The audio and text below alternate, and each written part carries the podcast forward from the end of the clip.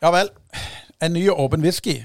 Den gangen uten whisky. For det at jeg har med meg to treningsnarkomane herrene, de går ikke den veien eh, så ofte. Og det vi snakker om eh, Stian Gilje, og vi snakker om Lars Zakariassen i Robust treningssenter. Eh, opptakten til dette det er at eh, undertegnede har vært eh, en liten eh, slave, sløtt, skråstrek, som har blitt piska i en serie som heter Gangsperr, for å trene meg opp til et løp. Og Stian, eh, du er jo en del av denne Robust-gjengen. Stemmer. Eh, og si noen korte, konsise ord om deg sjøl. Meg sjøl, det er det mye å si. Men Sanne Skauk, tidligere skiskytter, så havna på de ville veier. Begynte å studere fysioterapi. Ble det til slutt. Traff på Lars når jeg var i en eh, praksisperiode. Han skulle lære meg opp. Heldigvis så lytta jeg ikke så mye til det, så nå kjører jeg litt egen retning. Stemmer ikke det, Lars? Jo, jo jeg syns du treffer ganske godt. Ja, men La meg ta Lars, da. En liten prestasjon av Lars før vi drar dette i gang. Ja, hva skal jeg si? Jeg er, jeg er jo herifra. Fra Tu. Uh, liker godt å trene, men eh, når du eh, benevner meg som en treningsnarkoman, så vet jeg ikke helt om du treffer spikeren på hodet. Um, men jeg, er- jeg liker veldig godt å være med og bidra til at folk trives i sine liv. Uh, og det er delvis um, fysisk aktivitet, trening. Uh, men så er det òg en del på det som går på det mentale, psykiske. Og så Ja, det, det stemmer det, Stian, at jeg uh, traff deg som veileder i en praksisperiode. Eh, og så hadde vi ei en fin tid og så ble vi gode venner. Så var det først seinere at det plutselig ble noe robust trening og fysioterapi. Ja, stemmer det. Vi var vel på en rulleskitur på Jæren. Du sleit seg i kråke. Du, du ligna egentlig litt på når Dan Cato skulle prøve å gå på ski i Sirdal. Der var du faktisk på rulleski nå. Fantastisk. Og da Ja, du satte vel pris på den veiledningen i forhold til teknikk, da. Uh, og da begynte vi å snakke om skal vi skape noe sammen. Skal vi hjelpe de andre òg som trenger hjelp, ikke bare med ski, men trening, form, psykisk helse, fysisk helse. Eh, på den måten så skapte vi jo robust, og tenkte hvilken retning skal vi gå. Og jeg føler vi på en ganske god vei der, i hvert fall når vi kan få en dankato til å bli litt motiverte og synes trening er litt gøy. Tror du ikke det sjøl? Ja, jeg har jo egentlig bare blitt motivert pga. kamera, så vi får se om dette kommer til å dra seg videre. Men vi, vi starter podkasten. Det var en liten intro, så vi kjører i gang.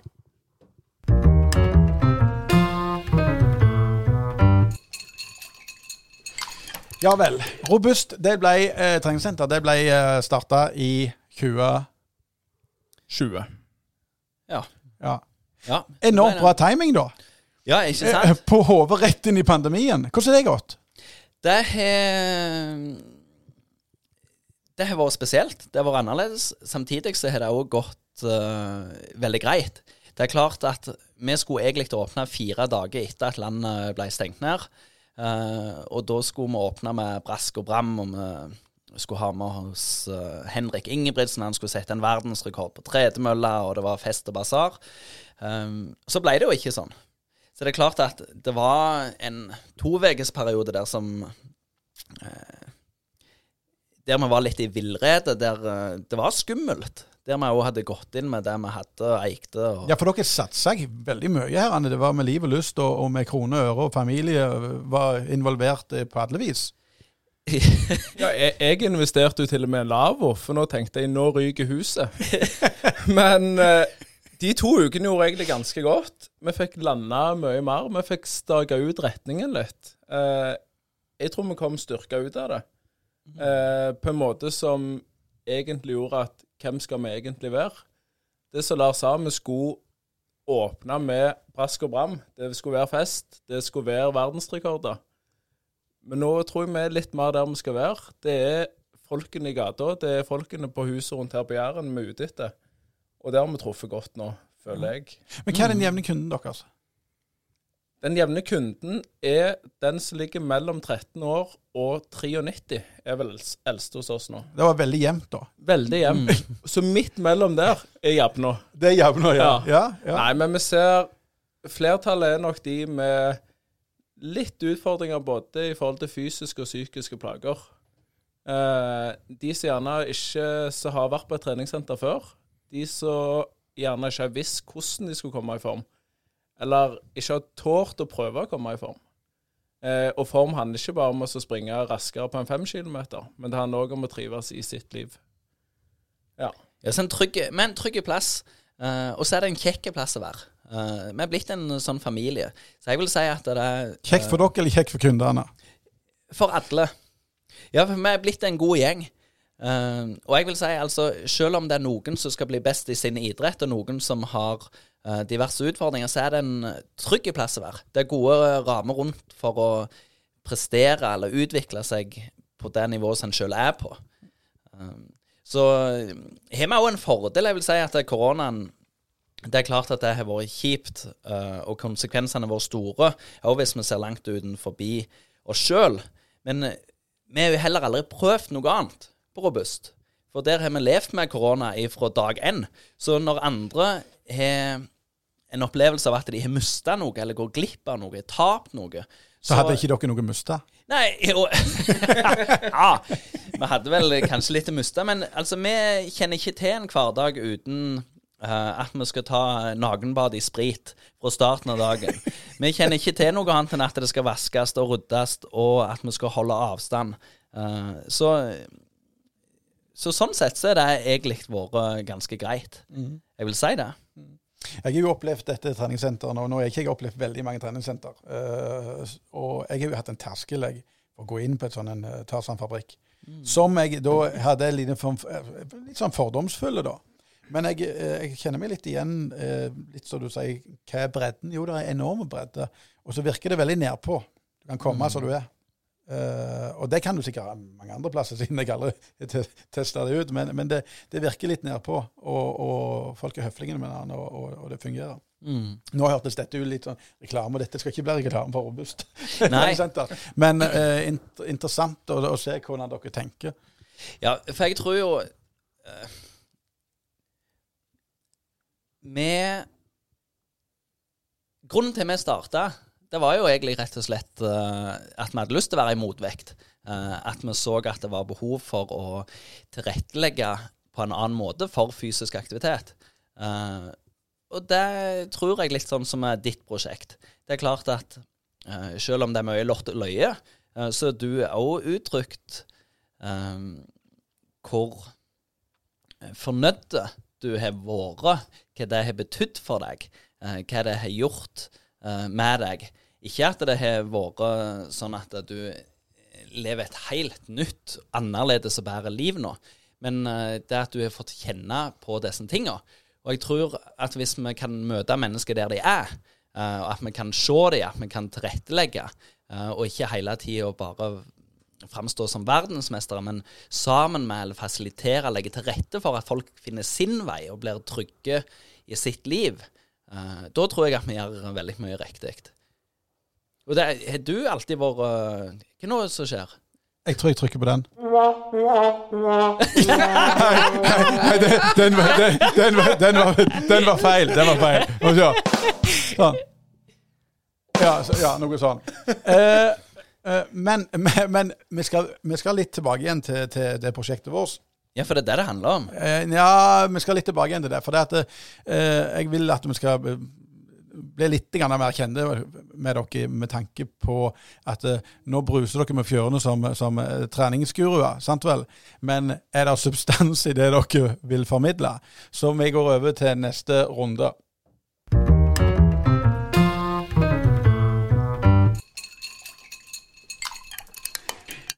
Og da starter jeg med deg, Lars faktisk. Hvor kommer du ifra i forhold til hva har du gjort før? Nå er vi på trening. Vi driter i om du har vært flink på skolen, eller om du er kjekke Nei, kjekke kone, det kan vi godt ta med. Men, men litt sånn treningsmessig, hvor, hvor oppsto interessen? Jeg har nok alltid vært uh, veldig aktiv. Utforskende. Um, helt ifra jeg var veldig liten av, og hatt lyst til å prøve mye.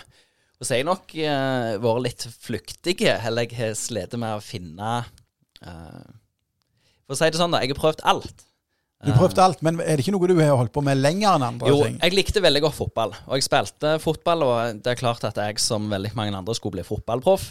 Mm. Men du så det ikke i speilen da, du var jo kjempekort og kjempelett. Så, og det er jo Messi òg, men det er liksom han eneste. ja. Ja. ja. så jeg tenkte det kan jo være to Messier. seg. Nei, men jeg, jeg gikk all in i fotballen. Um, begynte på Kåsen, var med på, litt på Klepp. Du er så ikke all, Bryne. du er ikke all, all in på fotball hvis du holder på i Kåsen, men OK. Ja, så kom jeg meg over på Bryne. Uh, og spilte med de som var litt større og var på kretslag og sånn. Uh, jeg, Gabriel Høyland han var en eh, mentor, og det skulle satses. Og så når eh, ting så ganske lyst ut, og det var i ferd med å løsne når jeg var 16, da forelska jeg meg i ei jente som drev med turn. Så da begynte jeg rett og slett å turne, så la jeg bare hele fotballskolen på hylla. Så du, eh, ja, men det har jo jeg merka med tanke på hvordan vi skal Når vi skal styre hva tid du er tid og ikke, så er det liksom kona som bestemmer det. Det har vi vært borti før. Men eh, så hun tok styring allerede i den alderen der? Eh, nei, for det, dette her var faktisk ei annen jeg forelska meg i. Men, men, men hun leda meg jo i, i rett retning, sånn at jeg traff Karoline. Ja, for hun òg dreiv med tørn. Ja, Karoline er 48 NM-gull i tørn. Og jeg, også, jeg kom meg jo opp på et visst nivå. Jeg har åtte NM-gull i tørn. Uh, og drev med det lenge og var eh, trener, landslagstrener og satt Et eh, sidespørsmål. Ja. For det er forskjell på tørn og linjegymnastikk. Ja. Var dette sånn apparattørn, eller var det sånn annet Rolls? Eh, dette var uh, teamgym, heter det. Trampett, tømling, frittstående. Og så var jeg òg med uh, i et NM i apparatoren. Ja. Og det gikk ganske godt. Jeg pleier å si, legge mest vekt på kvalifiseringen, for jeg vant kvalifiseringen. Og så var det en finale der, men det, jeg husker ikke så mye for det. Men, men, men utdannelsen, altså hva har du i, i, i bånn her, Arne, i forhold til det du driver med? Ja, jeg Jeg har tidligere i livet vært ganske styrt av eh, det jeg har trodd var forventninger til meg. Uh, og det har vært eh, både på godt og vondt. Men det vonde har vært at jeg nok har gjort en del av det Jeg har prøvd å oppfylle forventninger andre har til meg, som de nødvendigvis ikke har. Men som jeg har trodd har vært det eneste rette jeg gjør. Så med tanke på utdannelse, så tenkte jeg at jeg måtte ha en skikkelig utdannelse. Og det Og måtte være og hvordan gikk det? Ja, nei, det gikk jækla dårlig, rett og slett. Jeg, eh, jeg begynte på samfunnsøkonomi. Første dagen så fikk jeg vite at du måtte ha en sånn kalkulator, vet du, en sånn svære. Ja, ja, med for, mange forskjellige knotter på. Ja. Og det var grafer og greier. Og når jeg forsto at samfunnsøkonomi var matte, da forsto jeg at jeg hadde valgt feil. Men det for- forsto du når du begynte? Ja. Ja, men det er, det er bedre seint enn aldri. Ja, det tenker jeg òg. Ja. Så da, jeg holdt ut tre måneder på samfunnsøkonomi før jeg skrota det. Tok med Karoline, så reiste vi et halvt år i Asia. Sørøst-Asia. Og så kom jeg tilbake til det som liksom var min vei. Kjernen. Ja, for da tror jeg Jeg hadde nok et lite opprør, eh, og lærte og forsto at eh, disse forventningene som jeg trodde andre hadde til meg, det var nødvendigvis ikke eh, reelt, men det var bare egne tanker. Egne følelser. Så da staka jeg ut en ny retning og spurte meg sjøl bare hva vil jeg gjøre, hva trives jeg med? Så da ble det et år på idrett på Idrettshøgskolen i Oslo, og så videre til fysioterapi. Eh, fysioterapi var kjekt, og så er det seinere blitt litt kognitiv terapi eh, på toppen. Ja, men når du sier er du òg fysioterapeut, Ja. er du det? Jeg visste ikke det. Nei, nei, nei, gratulerer. Der ser du. Det er derfor vi har podkaster. Vi skal finne ut av hva Ja. folk faktisk holder på med. Ja, Ja. ja så, da, så da har jeg på en måte tre bein å stå på. Det ene er idrett, eh, trening. Og så er det fysioterapien. Og, Og så, samfunnsøkonomi. For å si det sånn, jeg er veldig glad for at Lars gikk vekk fra den retningen der. For vi er andre folk til å styre dette. Ja, så er, det, så er det det psykiske eller det mentale. Ja. Så du jobber med eh, fysio og, og det mentale. mm, Ja. Mm. stemmer det. Hvordan er du mentalt sjøl, da? Uh, jeg er jeg, jeg er glad for, og jeg tror jeg er heldig som er såpass uh, Jeg ser ekstremt få problem og utfordringer. Og alt det som har vært tøft, for jeg har definitivt vært borti tøffe tider uh, og gått på flere smeller. Men alt som er negativt, det glemmer jeg ekstremt fort. Så det at jeg, jeg husker ikke dette. Og det kan være ganske frustrerende for mange jeg rundt meg, for det, at det, eh, kan oppleves som jeg bagatelliserer alle utfordringer og tider som har vært tøffe. Men det er rett og slett bare fordi det, det forsvinner. Og så sitter jeg igjen bare med det kjekke. Uh, det jeg trives med, er det positive. Så uh, hvis du hadde fått hoppet inn i hodet mitt og kroppen min, så tror jeg du hadde hatt gode dager, for det har iallfall jeg. Jeg vet ikke om jeg ville røke på den utfordringen der, men jeg ser jo at du eh, virker som du har gode dager. Eh, Da skal jeg kjøre en liten knapp til. Jeg har ikke kontroll på hva som kommer ut her, for nå skal vi snakke litt med Stian. Den var ikke verst, den. Den passer meg. Ja. Og Stian, du da? Nei, Og da er vi ute etter I forhold til hvorfor og hva? Ja, litt sånn så Lars, hvordan kom du der du er nå? Gammel er du forresten? 30. En liten snottunge, rett og slett. Ja, rett og slett. Ja, Fremdeles. Ja. Jeg var nok litt klarere i hva vei jeg skulle gå. Eh, var vel 13-14 da jeg bestemte meg for at fysioterapeut skal jeg bli. ja, men innenfor idrett, vet, vi vet jo at du har Mhm. vært borti uh, skiskyting og ski og den biten Ja. der. Men i- fra Sandnesgauk og havna der, det er jo òg en vei. Ja, faktisk var vi var en veldig liten klubb når jeg starta med skiskyting. Men, Sandnes men hvor gammel var du da? Da var jeg åtte og et halvt år. Ja, så du har det, Så vi reiste Morfar eh, døde. Jeg var og så på han i kista, og den dagen bestemte jeg meg for skiskyting skal jeg begynne på. Jeg har egentlig en mye eldre bror som hadde drevet med det samme. Men Ja. den dagen der vi var og så på han, det var den dagen det var treninger før i tida, sa gamlingen. Så vi kunne jo reise opp der og se, så vi skulle lage noe positivt ut av dette. Ja. Så da reiste vi opp, så på den treninga. Jeg meldte meg inn, og så var det bare å kjøre på. Da hadde vi kun en, ei skogsløype som vi sprang i, og så prøvde vi å skyte litt. Eh, lite skiforhold, lite dårlig forhold for rulleski. Husker i starten så fikk jeg faktisk lov Vi fikk ikke lov å begynne å gå på rulleski før vi var tolv år, for de mente det var farlig for kroppen.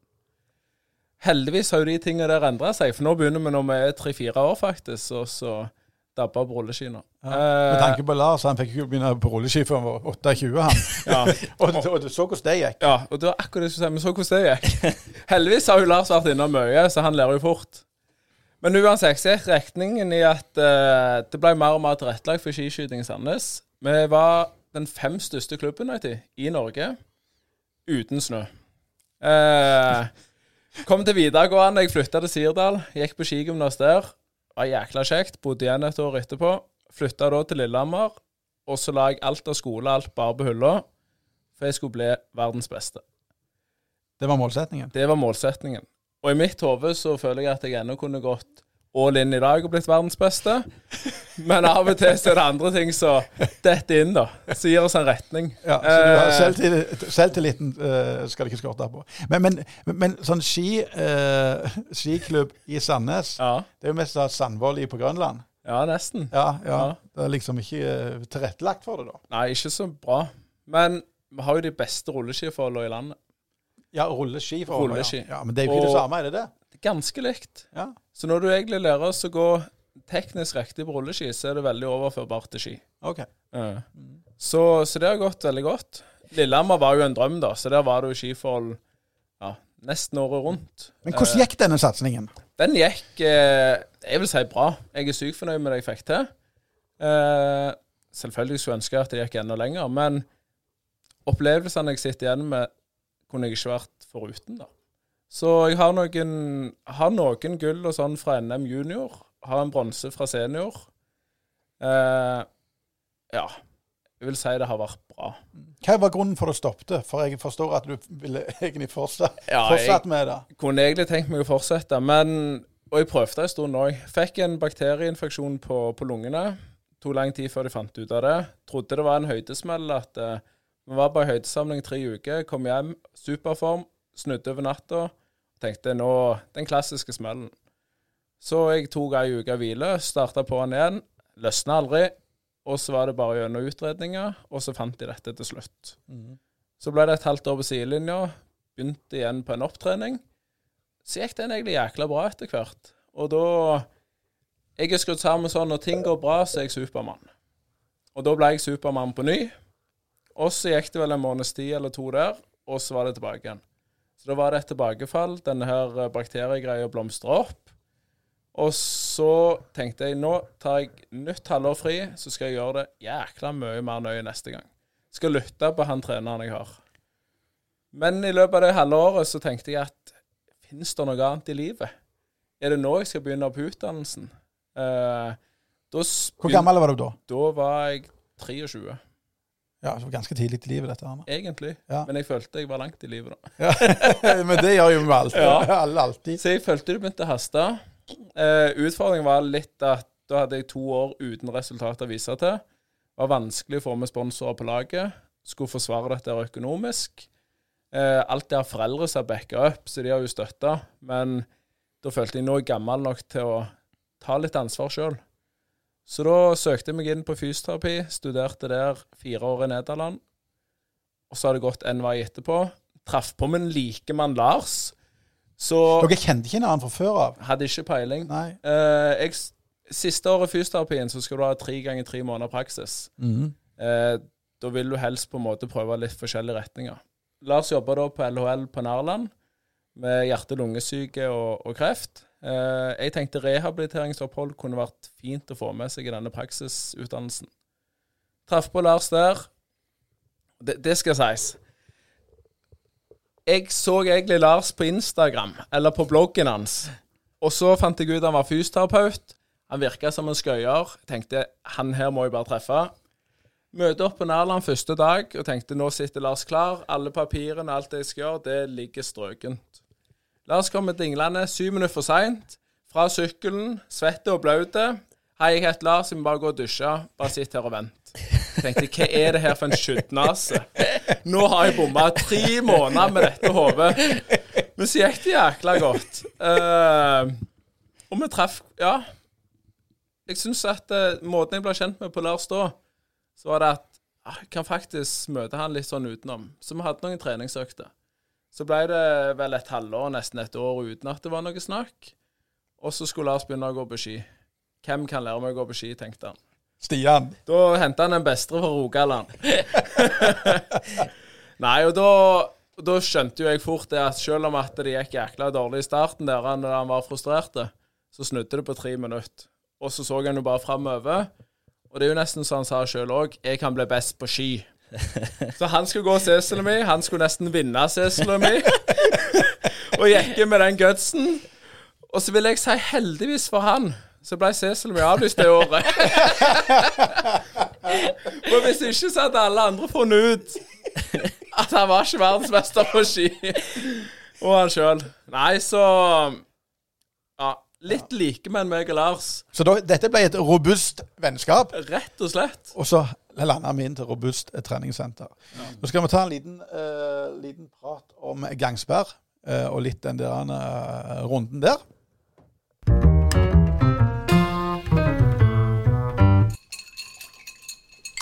Gangsperr. Lars. Fantastiske greier. Ja, men eh, hvorfor sa du ja til dette surret, egentlig? Eh, For å bevise at du kunne få en gammel skrått opp i fart? Nei, jeg er jo uh, på godt og vondt en ja-mann. Uh, og begynner kanskje nå i voksen alder å klare å takke nei til de tingene som jeg bør takke nei til. Iallfall i betydelig større grad. Men uh, sånne positive, kjekke prosjekt som Gangsberg, det takker jeg alltid ja til. Og om jeg ikke skulle ha tid, så må det lages tid. Så jeg var aldri i tvil om at jeg hadde lyst til å være med på uh, det prosjektet. Eh, og det handla ikke da om deg, for da visste vi ikke at det var du som skulle være den som eh, gikk gjennom den enorme forvandlingen du var gjennom. Da handla det rett og slett om å uh, lage en litt klassisk uh, sånn kom i gang etter, etter nyttår. Nytt år, nye muligheter. For å så vise nummer én at det er mulig, nummer to at det ikke er skummelt, og nummer tre at det faktisk kan være ganske kjekt. Så da takket jeg eh, ja, og så syns jeg det var veldig stas eh, når vi fant ut at det var du som skulle være kandidaten.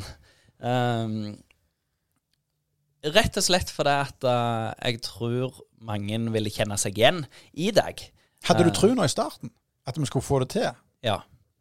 Jeg hadde trua Ja. Jeg hadde jo trua før jeg visste hvem det var. Eh, så jeg tenkte nok litt sånn at uansett hvem som blir valgt, så kommer dette til å gå fint. Men Litt irriterende du sier det, for det at jeg føler meg litt unik, ser du. Og så bare drar du den. Ja, det, det, det, det kan vi gjøre med alle. Må ikke tenke på det. Ja. Nei, men vi gjør jo ofte det. Jeg tenker at vi er unike, at vi er spesielle. Både når vi har det veldig godt, men også når vi har det veldig vondt. Uh, så tror vi at det er mer synd på oss sjøl enn andre osv. Så, videre. så uh, Men jeg er veldig glad for at det var deg, og jeg setter veldig pris på deg og den tida vi uh, har hatt i lag. Veldig Eh, koselig. Ja, og det mener jeg, for For det fungerer først godt når en klarer å være ærlig med seg sjøl. Og når en er ærlig med seg sjøl, så er en ofte ærlig med de en er rundt seg. Og nå har jeg vært rundt deg, og, og jeg tror nok ikke du hadde lykkes i samme grad uh, hvis dette kun handla om kameraene. Nei, nei, nei. Nei. Jeg har jo fått ei eventyrlig hjelp. Det er ikke tull engang. For å være litt seriøs i denne podkasten. men la meg bare dra litt, fordi at uh, første vi gjorde, det var Vi hadde et eh, kort og konsist møte. Gikk gjennom hva jeg skulle uh, gjøre. Du dro nok litt ned, uh, men det var ikke mye. Men Stian kjørte meg på en uh, laktosetest. Ja, Eh, Jeg kaller det for laktattest, men det er, det forskjell på det? farlig. Ja, laktose er noe som er melk og melkeprodukt. Laktat er, er noe litt annet. Ja, det høres jo ganske likt ut. ja, men, la- hva- Kaller du det melkesyre? Ja, men det, begge to har noe med melk å gjøre. Ja, men, men, men, men vi går ikke videre på den. Laktattest. Ja. Og da eh, kjørte vi testen, og den var vel eh, litt ymse, var ikke det, Stian? Det var jo ikke toppidrettsnivå på det. Men det var jo ikke forventningen heller. Eh, det vi så, det var Kanskje det du ikke vil høre, men du var ganske midt på treet, som folk flest. Ja. Ikke uni unike der heller. Eh, det som var mest spennende, det var jo at du hadde faktisk en unik fremgang, Ja. som var litt annerledes. ja, fordi at eh, da kjørte vi jo med Jeg gidder ikke gå inn på programmet, men vi har, vi har fokusert på intervall. Eh, og korte økter. Eh, noen i 15 minutter, noen i 30 minutter, noen 45 minutter. Tre ganger i uka. Eh, to eh, av øktene litt hardere enn en den tredje. Eh, og eh, antall tid over to måneder vi holdt på. Ish. Ja, fra den første til den andre testen så gikk Ja. det to måneder. Ja. så har du brukt i snitt så har du brukt uh, rett i underkant av halvannen time i uka. ja. Fordelt over tre økter. Og så var det en totalsvikt. total eh, svikt. eh, det var en total svikt eh, i romjula. Der jeg gikk på et leit ribbeinsbrudd som jeg skylder på. Men jeg datt litt ned da. Du henta meg opp igjen mm. og, og, og skutta meg videre. Eh, men vi kjørte intervalløktene der, som var helt håndgripelige for min del. Så kjører vi en ny test. Testen viser bra. Først og fremst Ja, noe helt unikt. Ja, vi kan dra det så langt. Når vi vet egentlig at det er halvannen, tre, halvannen måned med trening som ligger bak, så er det rått. Men det som vi ser, når vi klarer å få trening som gir effekt, og trening som ikke gir skader, så får vi resultater. Og trening der vi ikke trener for hardt eh, Det ser vi kanskje 90 gjør. For hard trening. Tenker de skal være raskest mulig i form og får egentlig et negativt utbytte. Du har kjørt litt andre retningen, du har fått god hjelp av Lars her, som viser på en måte at lite trening med kvalitet skaper store resultat. Ja, for vi hadde jo fokus på eh, Det var første du la sa til meg, at eh, vi skal ikke ha belastningsskader. Det er liksom den første fy-fyen. Eh, og når jeg så på programmet i stad, tenkte jeg hva er dette for noe Rolls? Ja, Det må jo ta et fire år for å komme i gang. Men så viser det seg at det virkelig har effekt. Ja, jeg tenker eh, En ting er dette med skade, som jo er veldig viktig. Og når jeg hører Stian snakke nå, så um, Oppsummert så er egentlig det eh, prinsippet om kontinuitet, altså klare å vedlikeholde noe over tid, i plassen for veldig mye, bare en kort periode. Um, så, så det er klart at det er viktig å gjøre noe. Og det ser vi også på den første testen. ikke sant? For det at du har faktisk vært ute og gått tur et par ganger i uka. Og det er grunnen til at testresultatet i runde én eh, ikke var eh, veldig dårlige, eller at utgangspunktet ditt da egentlig var veldig, veldig godt. Eh, og så har du trent, ikke mye, men du har trent um, riktig når du har trent. Du har trent fornuftig, sånn det ikke er blitt for mye. Og jeg har trent nok. Og så har du trent nok. Ja. Og det tror jeg nok er, det viktigste å formidle til, eh, til de som hører på, eller til de du har rundt deg, at eh, OK, nå har jeg faktisk blitt i betydelig bedre form. Jeg ser jo måten du springer på opp trappa mellom kontoret her, at eh, noe er skjedd.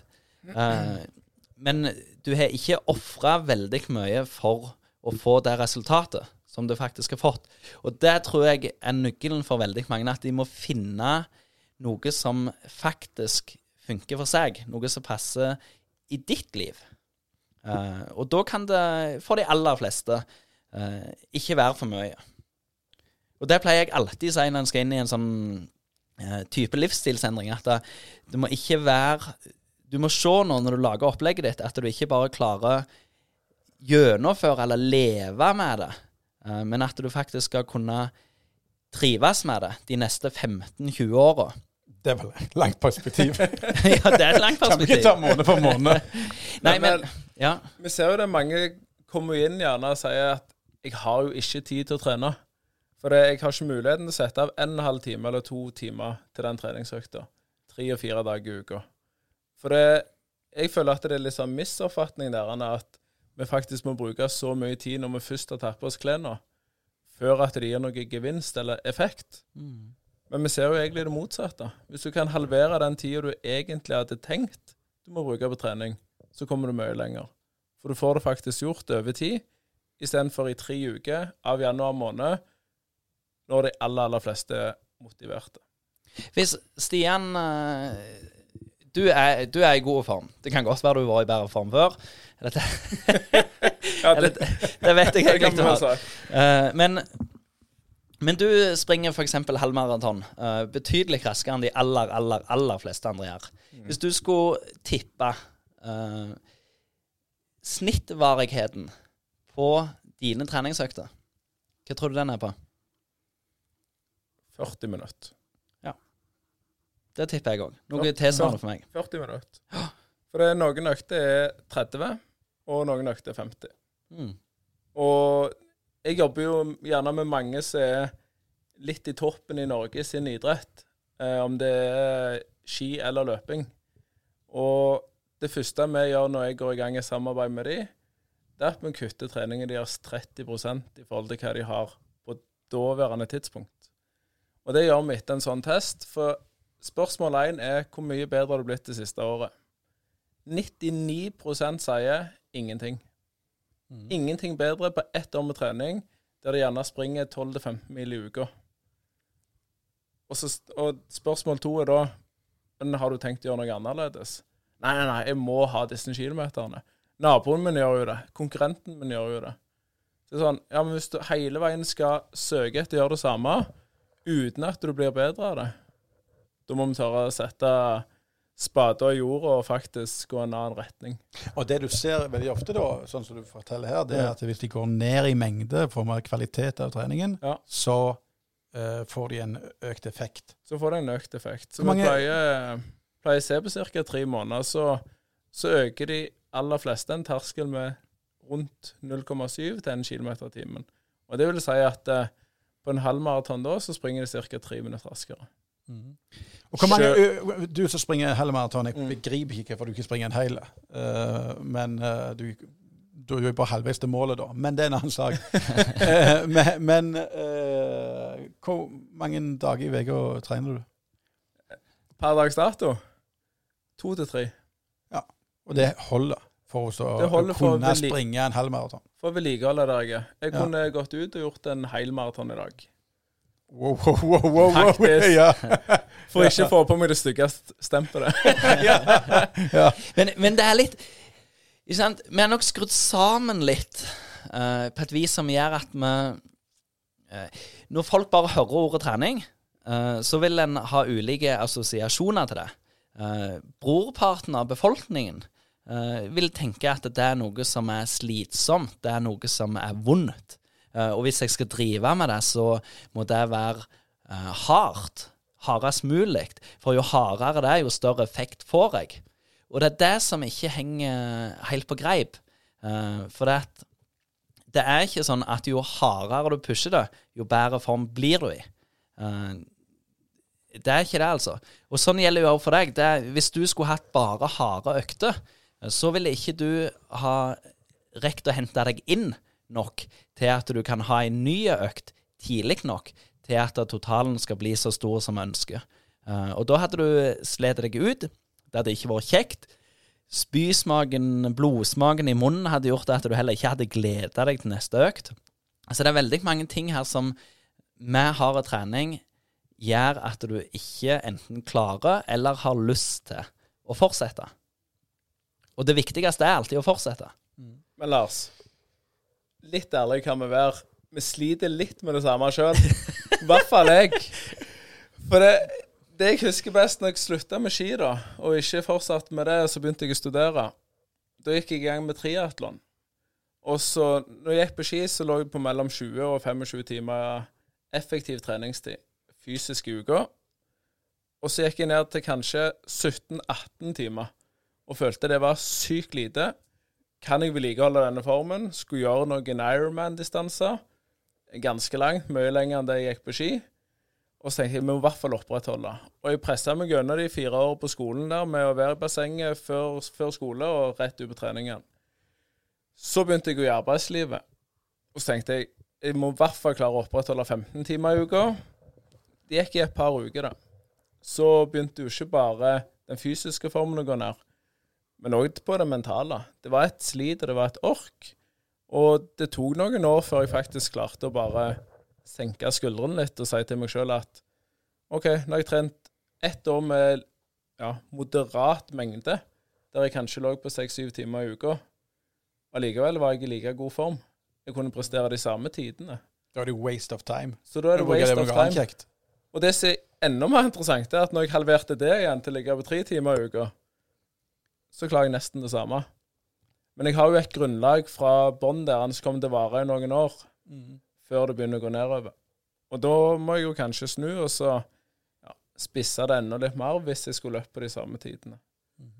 Og det har jeg mål om å gjøre. Jeg skal ha noen nye personrekorder. Selv om jeg har bikka 30. Jeg føler det er sjukt gammelt. Det er ikke det. Nei. Det er ikke det. Det kan jeg skrive under på. Eh, da takker jeg for gode innspill, her, Arne. Og så skal vi ta en liten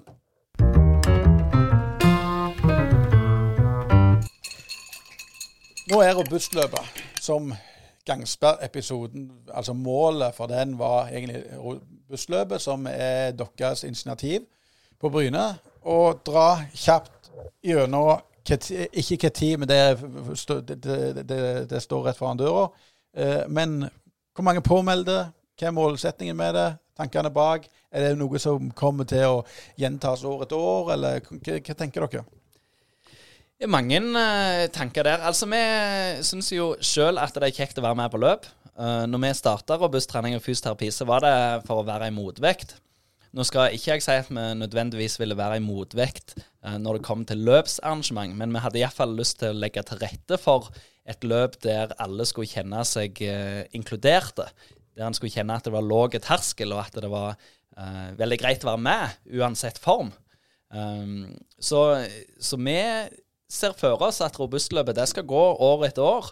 Eh, det skal være en plass som er trygg å være, det skal være kjekt å være der. Det skal være lett å være med for aller første gang. Det skal være distanser som er passelig lange. Eh, folk skal oppleve mestring. Og så skal det først og fremst bare være en sånn kjekk eh, dag på Bryne. Så det er, det er planen. Nå er det, Hvor mange påmeldte er det, Stian? Nå er det 287. Eh, 40 av de er på barneløpet. Gratis barneløp for de fra 12 år og yngre. Eh, det er jo jækla kjekt å få til noe sånn. Det blir en kilometers runde neste år når vi skal ha det. Så kan de jo få samla familien. Vi kan lage en god pølsefest der nede på torget. Eh, I bakhodet så ligger vel hvis vi skal lufte de tankene, ideene, litt gratis konserter og sånn på ettermiddag, kveldstid, eh, så kommer vi til å gå i en dialog med, med de aktørene som ligger på torget, i forhold til restauranter og puber og barer. Skape en folkefest. Skape liv og røre på torget i Bryne.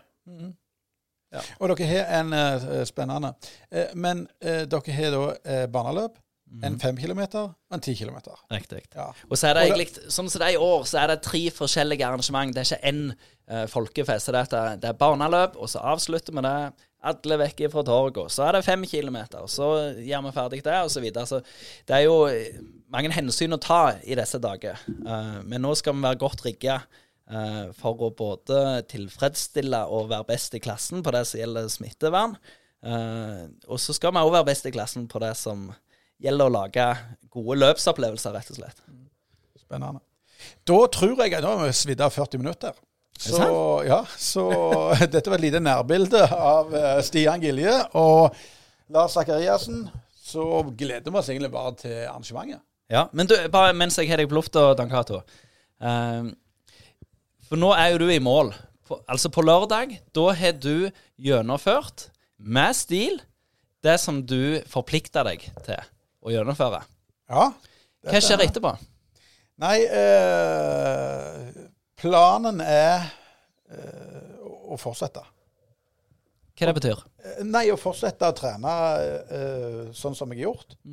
Jeg skal ikke utvikle det mer, for jeg skal aldri vinne noe. Jeg er jo som nevnt best og være dårligst. Det skal vi opprettholde. Men men jeg skal fortsette med den treningsmengden, for den er håndgripelig. Mm. Ja. Men hvorfor vil du fortsette, egentlig? For det at jeg kjenner at de har meg, gjort meg godt. Kult. Det har det faktisk. Ja. Ja, det, er, veldig bra. Og det Nå, nå, nå ser jeg at Lars får litt tårer her. Ja, nå må det bare bli slutt på korona, sånn at vi kan klemme. Og... Ja, det gjør vi uansett. Vi er jo, vi vi er jo i samme kohorten. Ja. Yes. Takk og farvel.